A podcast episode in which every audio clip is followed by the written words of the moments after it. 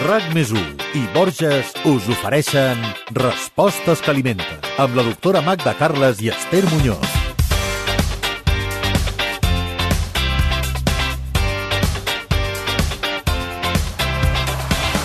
La paraula menopausa significa pèrdua de la regla i és una etapa en la vida de la dona que arriba entre els 45 i els 55 anys aproximadament. No és una malaltia, tan sols la fi de la fertilitat, però la majoria de dones hi arriben amb una certa popó, entre altres coses, de guanyar molt pes o a perdre, per exemple, la salut. Què és exactament la menopausa? És cert que es guanya pes, cal canviar la dieta, és imprescindible prendre suplements. En aquest podcast dedicat a la menopausa, la doctora Magda Carres respondrà aquestes i moltes altres preguntes amb un objectiu clar, ajudar que aquesta etapa de la vida ens faci molta menys por i que la dieta sigui la dient.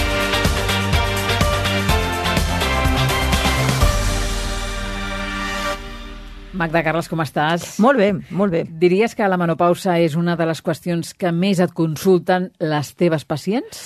Molt sovint, sí. És un tema que interessa moltíssim, és un tema que totes ja acabem arribant i que, com deies molt bé, fa una certa por. Uh -huh. La doctora Magda Carles ja ho sabeu perquè ja la coneixeu, ja anem cap als 60 podcasts de respostes que alimenten. Ella és especialista doncs, en temes de nutrició, d'alimentació i avui el que hem volgut fer, Magda, és eh, demanar doncs, la col·laboració en el nostre podcast d'una experta en el tema de la menopausa i hem contactat amb la doctora Isabel García Penche, que és ginecòloga especialitzada precisament en menopausa de la clínica Quirón i li hem demanat algunes coses que hem pensat que són interessants, com per exemple que ella mateixa ens defineixi què és la menopausa. La menopausa és un procés fisiològic natural de, amb el procés d'envelliment de la dona que suposa l'aturada de les hormones femenines, tant dels estrògens com de la progesterona. Llavors es defineix per l'aturada eh, durant un any sense menstruació, que això correspon a que eh, les hormones femenines deixen d'existir. Ho ha explicat molt clar, i Està català clar. i, Està clar. i, i breu. Està clar els estrògens i la progesterona eh, deixen de, de funcionar i, per tant, ja no són fèrtils. I quan fa, és a dir, quan fa un any que un no té la regla, doncs eh, has arribat a la menopausa. I, i arriben totes les dones, si és que arriben, i pot ser entre els 55 i els 45 anys, i el més important, no és cap malaltia. Mm. Un dubte que tinc, Magda, sí. és el mateix menopausa que climateri? Climateri és el que envolta la menopausa. És a dir, clar, la menopausa no se'n va de cop moltes vegades, sinó que hi ha una època en què ara et ve, ara no et ve, ara tens irregularitats, doncs aquesta època, del, el de l'abans i del després, és el que es diu el climateri. Eh? Mm -hmm. És quan les teves hormones comencen ja a fluctuar. I això pot passar ja doncs, a partir dels 40 i pocs anys. Mm -hmm. Hem incidit molt en que ens fa molta por, sí, no? Sí. A, a la doctora eh, García Penche li hem demanat el per què. Sí. Fa tanta por perquè moltes vegades ho associem a signes d'envelliment i pel desconeixement de el que suposa això en el cos de la dona, perquè, evidentment, aquesta aturada de les hormones femenines doncs, implica una sèrie de canvis en l'organisme, que moltes vegades són canvis que, òbviament, no són agradables, com la presència de, eh, dels fogots, de la irritabilitat, de l'insomni, Estàs d'acord? Totalment d'acord, totalment d'acord. Com ella diu molt bé, clar, no, no són canvis agradables. Però encara hi afegiria una cosa. Quina? Ens fa tanta por perquè socialment, socialment, d'alguna manera, les dones menopàusiques és com si ja es comencessin a envellir de veritat, no? I clar, la dona en aquest món doncs, té que ser eternament jove. Estàs d'acord amb això, Esther, no? I tant. Doncs és una mica el signe visible a, a, que, que, un, que una viu, no?, de que ja no és tan jove. Això no tindria que passar res, perquè quan un va vivint i té la sort de viure, es va envellint. Tots anem envellint. Nosaltres i ells. Però amb la dona jo crec que aquest és un tema que ens preocupa encara molt més. I la menopausa t'ho posa al davant. És com dir, eps, ja no ets fèrtil, ja no ets tan jove. I crec que això també comporta, té, té el seu pes, té el seu pes dintre la nostra sensibilitat i tal com ens ho agafem, no? Anem a repassar alguns dels símptomes, sí, no? Sí, som-hi. Quins serien, Magda? Mira, uh, el que és més uh, degut a la menopausa, el més típic, no?, són aquests fogots que passen amb un tant per cent elevat de la gent uh, quan la menopausa comença a fallar o quan ja ha fallat, no? Uh, aquesta irritabilitat, que també pot aparèixer, aquests canvis d'humor, no? Aquesta espècie de sudoració nocturna que a vegades que et fa que tinguis insomni, o sigui, dorms més malament. Problemes no? per dormir. Més problemes per dormir. Clar, això no apareix amb tothom ni amb la mateixa intensitat, però són coses que, que en fi, que passen, que passen sovint, no? Hi ha una falta de lubrificació vaginal que et fa que hi hagi més sequetat vaginal. En fi, hi ha una sèrie de coses que realment mm, no n'hi ha cap de divertida, però tampoc és que hagin d'aparèixer totes la mateixa intensitat a tope i hi ha gent que passa la menopausa que realment se n'entera de molt poquetes altres coses. Però la sintomatologia més típica és aquesta. Irritabilitat, aquests fogots que tant molesten, que ve com uns calors, no? Aquesta, aquest, aquests canvis d'humor, l'insomni, val? i aquesta sequetat a part d'això, després hi ha cada persona, però repeteixo, també hi ha persones que passaran la menopausa i potser això ni no ho notaran. no? I també és veritat que hi ha una certa predisposició a guanyar més pes, que és una de les coses que solen preocupar, no? Això és el que vull parlar amb tu Sí, aquesta tarda. exacte, eh? exacte. I el tema de la fatiga i um, el major cansament també seria un sí, indicador? És, també pot passar, però jo repeteixo, aquests símptomes no és que siguin obligatoris que tothom ho senti, sinó que són coses que apareixen, però que hi ha persones que passen la menopausa amb molt poca sintomatologia. N'hi ha que passen la menopausa que, ho noten moltíssim. Uh -huh. Una cosa que també vull demanar-te. Eh, nosaltres hem parlat de mm, la franja d'edat entre els 45 i els 55 anys. Um, també es donen casos de dones, per exemple, que mm, tenen un descens hormonal que comença abans, per I tant. exemple, als 35? I tant, i tant, hi ha el que es diu la menopausa precoç, que a vegades passa i no hi ha cap malaltia, vull dir que simplement que, la, que ja més és una cosa a vegades que és tota la família, no té un component hereditari. Uh, hi ha persones que als 40 anys ja estan menopàusiques, vull dir que això és així. També n'hi ha que estan a 58 anys i encara estan la, la, la, encara estan amb la regla, no? Vull dir que lo normal, l'edat mitja aquest país de, de, de, que se'n vagi la regla són els 50 anys, voltants de 50 anys. Uh -huh. Anem amb el tema que ens ocupa, que és el tema de la dieta, no? Sí. Eh, tu creus que cal canviar la dieta radicalment eh, quan apareix la menopausa? A veure, radicalment no, perquè abans de la menopausa també tenim que menjar bé. No és que un digui disbauxa i quan ve la menopausa, ai, ara ens en recordarem de l'enciam. No, sempre s'ha de menjar bé, no? Però és veritat que a partir de que un, se te'n va la regla o ja comences a notar que les hormones estan fent de les seves, cal cuidar-se més. El primer que s'ha de tindre en compte és que el metabolisme basal comença a baixar. Què vol dir això? Doncs que el teu cos necessita menys energia. A veure, vol dir que has de baixar una mica l'energia que, que ingereixes uh, menys quantitats, evidentment menys capricis. Com ho podríem fer? Doncs mira, baixant, per exemple, coses que no necessitem per res, com són els sucres, no? Si abans eres una persona que posaves tranquil·lament la cullerada de sucre en el cafè, doncs ara potser no. És a dir, Reduir- reduir la dosi. És a dir, el més intel·ligent és reduir els, els, els, les coses que no ens convenen, saps? Els sucres, els greixes, diguéssim, saturats, no? Eh, les coses que ja normalment tindríem que reduir. Tot el que són capritxos, doncs menys. L'alcohol, per exemple, aquestes coses que aporten energia, però que realment no ens aporten una quantitat de nutrients considerable. Val? És a dir, que en podem prescindir. Doncs això és el primer que tenim que reduir. Mm. De totes maneres, també s'ha de dir que mm, no tothom, no tothom s'engreixarà. Evidentment. Segurament. Aquesta és una altra bona frase, sí senyora. No tothom, és veritat que hi ha més predisposició, però hi ha moltíssimes uh, senyores, noies, digue-li com vulguis, que passen per la menopausa i no canvien el seu pes. Una altra cosa és que canvi la distribució del greix al cos, perquè una pot canviar de tipus una mica sense canviar de pes. Per Atenció. exemple, l'aparició de la panxa. Clar, hi ha vegades que som, diuen, em diuen, doctores, que jo mm, peso pràcticament el mateix, però ara em veig panxa. Sí, hi ha una redistribució del greix. És a dir, el greix que abans estava més als malucs i més a les natges i tal, ara se'n pot anar més cap a la cintura. Eh? I persones que abans tenien molta cintura ara quedes com més recte i dius, ai, què ha passat, no? Però si peso el mateix. Bé, això pot passar. A veure, eh, amb unes persones més, amb altres menys. El que tenim que fer és evitar engreixar-nos molt. Això sí, Clar, i això aquí sí que la solució passaria més cap al canvi d'alimentació que també per la pràctica de l'exercici. Evidentment, evidentment, perquè hi ha altra cosa que passa, però no, però no per la menopausa, sinó ja a partir dels 40, i ho hem, ho hem parlat moltíssimes vegades, i és que la musculatura comença a disminuir. Doncs mira, una cosa que tenim que fer, tant per cremar més calories com per mantenir la musculatura, és fer més exercici. Jo crec que una de les coses que tenim que fer quan la regla comença a fer el tonto sí o sí, és fer més exercici, que fans en sèrio. I aquella cosa de dir, no, és que jo mai n'he fet, doncs mira... Obligar-nos. Doncs ja està, doncs mm, hi ha alguna cosa que sempre, sempre es pot començar alguna cosa. No hi ha edat per començar a fer exercici, sempre es pot començar. D'acord? Sempre. El que no he fet mai no és cap excusa. El que passa que has de, has de trobar activitats que t'agradin, que estiguin d'acord amb la teva forma física. No comencis fent maratons de, de 50 quilòmetres. Fes l'activitat que t'agradi i que estigui adient amb el sistema cardiovascular. Que t'hi trobis bé, però mou-te. Això sí que és obligatori. Si eres de sofà, de sofà, de sofà, doncs nois, això sí que s'ha acabat una mica. La vida sedentària, no? És que, no va, és que no va bé ningú. Ja no anava bé quan tenies 30 anys, però ara molt menys. I convertir l'exercici en un hàbit diari. Sí, doncs és igual que pentinar-se o la dutxa, és que això ens ho tindrien que dir des de petits. Cada dia ens tenim que moure, perquè el nostre cos està dissenyat per moure's, no per estar al sofà davant de l'ordinador. I què em dius, Magda, de, de l'energia, no? Um, hi hauria una energia determinada que hauria de tenir aquesta dieta per la menopausa o no? Bueno, la que tu feies servir normalment, tu, o sigui, si tu uh, no t'engreixes ni t'aprimes fins ara, no? Imaginem que és una, o sigui, és una senyora que fins ara, doncs, fins que la regla com s'està fent el tonto, el pes estava estable i era un pes sa. Bueno, doncs, si aquest pes estava estable i era sa, vol dir que més o menys ja prenia l'energia que ella necessitava, d'acord? Ara li ve la menopausa. Quant té que reduir l'energia? No és que hagi de prendre la meitat, simplement pues, un 10% menys, una mica menys. El que dèiem abans, treure capricis i fer exercici. Amb això sol, l'energia ja ha baixat. Fent exercici, fent exercici cada dia, una horeta, i traient capricis. Uh -huh. Amb això l'energia ja baixa sense tocar absolutament res més. Uh -huh. Vull dir, tampoc és tan difícil, eh, baixar energia. No, no, no, no, la veritat és que no.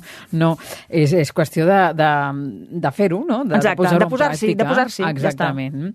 Ja uh, has comentat uh, la fatiga, el cansament, eh, doncs, tot el tema també dels fogots, no? Per exemple, hi hauria eh, algun aliment, algun hàbit alimentari que ens pogués ajudar a passar passar millor aquests fogots? Ai, estaria molt bé que hi hagués un aliment màgic que, que fes que no tinguessin fogots, no? però realment el que va bé, saps què és? Sí. Evitar els canvis de temperatura, o sigui, no anar d'una zona molt freda amb un interior molt calent, evitar les begudes molt calentes, els cafès molt intensos i també els menjars molt calents. Això, i sobretot, evitar l'estrès això m'ho diuen moltes pacients, ai, quan estic nerviós encara em venen més fogots. No, tranquil·litat. Mira, una altra cosa que es pot fer també quan les hormones van, diguéssim, estan ja una mica ballant, sí? és uh, aprendre a relaxar-se. Que no cal anar a fer grans meditacions transcendentals, però, escolta, hi ha unes tècniques de relaxació que pot fer cada una, i cada una a casa seva, que van de meravella, i és qüestió d'aprendre-ho. Tenim que aprendre a relaxar-nos perquè això és com un bàlsam per l'organisme. I els fogots disminueixen. No et diré que se'n vagin, eh? però amb més relax t'asseguro t'asseguro que els fogots van a menys. De fet, parlant amb la, amb la doctora, amb la doctora Isabel García Penche, com dèiem, ginecòloga especialitzada en menopausa de la clínica Quirón, una de les coses que li hem preguntat és com hauríem de viure la menopausa, si, per exemple, eh, l'hauríem de, de viure com una malaltia, que és el que els hi passa a moltes dones. I això és el que ens ha dit ella. Jo els diria que això no ho han de viure com una malaltia, que és una fase més a, dintre del que seria un procés fisiològic d'envelliment de la dona en el que hi ha un canvi que suposa un canvi de mentalitat i que sí que és veritat que hi ha uns símptomes però que es poden tractar i que la vida no s'acaba aquí, que hàbits saludables i cap endavant. Sí, sí, és el que estaves dient tu ara mateix. És, clar, és el mateix. mateix. O sigui, és que, i tant que la vida no s'acaba aquí. Escolta'm, si una persona li ve la menopausa als 45 anys, li poden quedar 45 anys pel davant. La vida s'acaba aquí? Ni 45, ni 55, ni 60, si m'apures, però si estem vivint 80 i pico d'anys. No pot ser que les dones, pel fet de que se'ls invagi les regles, sentin que s'ha acabat alguna cosa important. No s'ha acabat la seva vida. El que diu ella, bons hàbits i endavant. I això no és cap malaltia, és una, és una part més de la vida. No s'ha acabat res. L'únic que s'ha acabat és la seva capacitat d'engendrar de, de, un nen. Una, però res més, res més. La fertilitat s'ha acabat, això sí, absolutament res més. Per tant, jo penso que és bo recordar-ho, això. Amb la menopausa no s'acaba res, s'acaba la fertilitat res més. I com ho visquem depèn de com ens cuidem i de la informació que tinguem. I en gran part de com mengem. I tant que sí. I tant Ara que, que feia referència a això de tenir fills, mm, és diferent aquesta etapa per una dona que ha tingut fills respecte a una altra que no els ha tingut? Eh, es viu de manera diferent, això, o no? Home, jo crec que hi ha una gran diferència uh, si aquesta persona que no ha tingut fills no els ha tingut perquè no ha volgut. És que, clar, no totes les dones volen ser mares, això s'ha de dir. I cada vegada jo diria que hi ha un tant per cent més elevat, que no ho jutjo, eh? o sigui, hi ha un tant per cent més elevat de, de, de dones, i potser també d'homes, eh? que no volen és una, descendència. És una realitat. Sí, és una això, gran realitat, sí, sí, i a més per mètodes, molt, ai, per, per, per motius molt diversos, entre els quals hi ha la sostenibilitat moltes vegades, no? O sigui, hi ha gent que no vol tindre descendència i és molt legítim. Per tant, si és aquest cas, jo crec que la menopausa la viuran doncs, exactament igual. Ara bé, si hi ha una persona que volia ser mare, que a més és un desig que quan el tens és fortíssim i a més és imparable i per lo que sigui no ha pogut, perquè no ha trobat parella, perquè el seu cos no ha pogut fer, perquè no ha pogut adoptar, jo que sé, mil coses, aleshores sí que deu tenir un altre significat. Però amb tot, amb tot, jo crec que si la persona és equilibrada o busca ajuda, aquesta etapa la pot superar fàcilment. Mm. I tant anem, sí. anem a parlar d'un altre tema també eh, relacionat amb això també que estem parlant, no? El tema de la, de la vida sexual, no? Mm. Eh, si l'aparició de la menopausa és o no al final d'una vida sexual activa. Això és el que també li hem preguntat a la doctora. No, ni molt menys. Ni molt menys, eh, al revés. Molta gent eh, a vegades sí que es llibera del risc d'un embaràs i dels problemes que pot comportar una menstruació. El que passa que sí que ha de ser conscient de que hi ha una salut vaginal i que eh, la sequedat pot començar arrel de la menopausa i que, per tant, això també s'ha de cuidar. Tant, i tant, és el que dèiem abans, no ens passarem aquí 30 anys eh, que ja, que s'ha acabat tot. En absolut, en absolut. A fi al cap també, a vegades, el, el, la, la contracepció també és un, un tema complicat, que si quedes embarassada, que si no t'hi quedes. Vull dir que també té l'avantatge de la llibertat, no? Un cop la teva fertilitat s'ha acabat, vol dir que no hi ha perill d'embaràs. Això també té les seves avantatges. És a dir, hi ha una part positiva, que és aquesta, i una part més negativa, que és aquesta sequetat, però que té remei, a més és un remei molt mecànic. Eh, per tant, jo, jo penso que aquest és un bon missatge de la doctora que jo jo apoyo totalment. Repeteixo, amb la menopausa no s'ha acabat res, tampoc la vida sexual. Però sí que ens tenim que cuidar, perquè anem envellint. Ens tenim que cuidar nosaltres, ens tenim que cuidar ells. I anem envellint. I què, què és el que fan aquestes hormones, els estrògens, la progesterona, entre d'altres coses? Doncs que sigui més fàcil que l'os perdri calci, que l'os es torni més dèbil. Què vol dir això? Que la dieta tenim que cuidar molt la nostra ingesta de calci. Com la tenim que cuidar? Amb aliments rics en calci. Lògic, no? Amb quins aliments, Magda? Doncs, òbviament, són els làctics, que jo recomanaré que siguin desnatats o semidesnatats, no? Si no ens agraden els làctics, doncs els fruits secs, els llegums, el peix amb espina petit, vull dir, i sobretot, aliments també rics en vitamina D i prendre el sol. Recordem que la vitamina D és la clau que permet absorbir el calci a l'os. Per tant, calci i vitamina D. Aquest és un aspecte importantíssim de la dieta, de veritat. O sigui, eh, amb lacti, sense lacti, el que vulgueu, però aliments rics en, en, en calci. Això és, és importantíssim pels nostres ossos. Un altre tema és el tema cardiovascular. Anem envellint i hi ha també... perill? Hi ha perill en Clar, aquest sentit? A, a vegades hi ha, hi, ha, aquella falsa creença de que les dones no tenen infarts. La, evidentment, les dones a partir dels 50 anys, quan les seves hormones comencen a estar de baixa, hi ha igual de perill de tenir un infart, un ictus, o exactament igual que un home. Per tant, s'ha de cuidar la nostra salut cardiovascular. Què vol dir això? Atenció a la dosi de sal de la dieta, als greixos eh, saturats, a l'energia total de la dieta, evitar el sobrepès, no?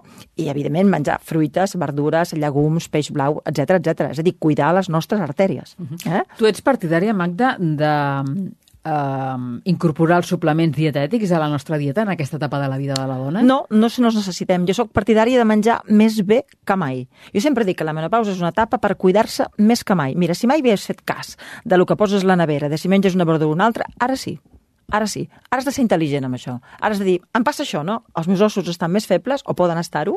El meu sistema cardiovascular, doncs, atenció, em puc engreixar? Doncs, home, tu sigues intel·ligent i tinguent en compte aquestes coses, fes la teva dieta diferent, no? Elimina, elimina les coses superflues, atenció a l'alcohol, fruita, verdura, llegums, fruits secs, oli d'oliva, no? I, evidentment, baixa una mica la dieta, l'energia de tot, i ja està. I exercici, exercici, exercici. I si veiem que el tema de l'estat d'ànim és està una mica fluctuant, o, escolta'm, pues, relaxació, més exercici, i si cal, busques ajuda. Però tot té solució. Uh -huh. Però això sí, passa per cuidar-se. I el cuidar-se només ho pot fer una mateixa, no podem fer els altres. Vull dir, jo amb els pacients els dic, miri, vostè té que fer això i això i això, però no, no puc venir a casa seva a fer-ho. Un té que agafar consciència, la dona s'ha de cuidar. Això que acabes de dir és importantíssim, eh? perquè les dones acostumem a preocupar-nos dels altres i moltes vegades abandonar-nos nosaltres mateixes. Perquè la cultura eh, mil·lenària sempre ha sigut, fins ara, que la dona és la cuidadora la cuidadora. Doncs mira, aquesta és una etapa en què la dona ha de canviar una mica els papers. Té que cuidar-se ella, perquè fi al cap, si la cuidadora no es cuida, com cuidarà els altres? Totalment. No? Escolta, Magda, jo penso que una manera de cuidar-nos és donar-nos un caprici. I tant. I si és un caprici saludable com els que ens vas donant durant tota aquesta tercera temporada de Respostes que alimenten, millor que res, no? Quin ens donaries eh, avui relacionat amb el tema de la menopausa? Doncs mira, estic pensant, estic pensant. Va, imaginem que estem a la menopausa i que els nostres ossos, doncs, per tant, tenim que cuidar-los. Doncs mira, jo agafaria... Saps, saps aquest pa que venen de motllo però que té nous? Sí, que, que sí, està sí. deliciós. Boníssim. Jo agafaria dos llesques d'aquest pa, després hi posaria una mica d'oli d'oliva, que ens va bé per les artèries, posaria un mató, que és un formatge fresc, doncs home, que és digestiu, té poc greix, un- una capeta, trinxaria unes nous, unes nous, eh, allò, posaria, ho enganxaria en aquest, a cada llesca amb el formatge fresc, un rajolí mínim de mel, una cosa res, i em prendria aquest sàndwich, eh? com un berenar deliciós amb la meva infusió relaxant. Només tu no de- saps lo bo que està això. Mira, eh, només de sentir-te ja me l'estic imaginant i ja me l'estic preparant. Eh, anem al nostre resum. Va. Respostes que alimenten. amb la doctora Magda Carles i Esther Muñoz.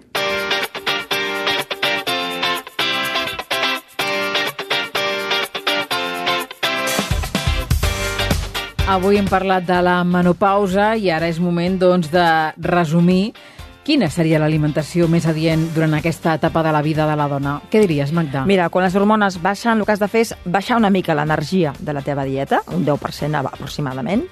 Uh, evidentment, uh, lo de fruites i verdures cada dia, doncs, més que mai oli d'oliva com a greix, eh, diguéssim, únic, però cuidant també la quantitat, cuidant la quantitat, més peix que carn, òbviament, la sal baixar-la també més que mai, a l'alcohol deixar-la a dosis mínimes, perquè ens engreixa i el tolerem menys, o sigui, no ens va bé, i, per suposat, pocs ultraprocessats. És a dir, és una etapa de la vida que tenim que menjar molt, molt, molt natural. I el més important, aliments rics en calci. Cada dia, cada dia làctics, fruits secs, llegums, peix petit amb espina. Els làctics, recordem, és el que porta el calci més biodisponible i recordem que un got de llet doncs, són a 200 i pico mil·ligrams de calci, però que una menopàusica té que prendre més de 1.000 mil·ligrams de calci al dia. Per tant, doncs, fem, fem números, eh? Fem números. Fem una, números. una dada important aquesta. Doncs avui sí. un podcast molt útil dedicat exclusivament a la dona i ens retrobem en 15 dies, Magda, parlant dels ous. Ah, mira, doncs també està molt bé. Doncs parlem dels ous. Parlem dels ous. Fins d'aquí 15 dies. Que vagi bé. Adéu-siau. RAC més i Borges us han ofert Respostes que alimenten amb la doctora Magda Carles i Esther Muñoz. Slop, slop, slop, Cuidar-se és el més important. A Borges sempre et portem els productes més naturals perquè cuidem la terra que ens els ofereix i els elaborem de la manera més sostenible possible, com la nova ampolla d'oli feta en plàstic reciclat. Borges. Que bo que és!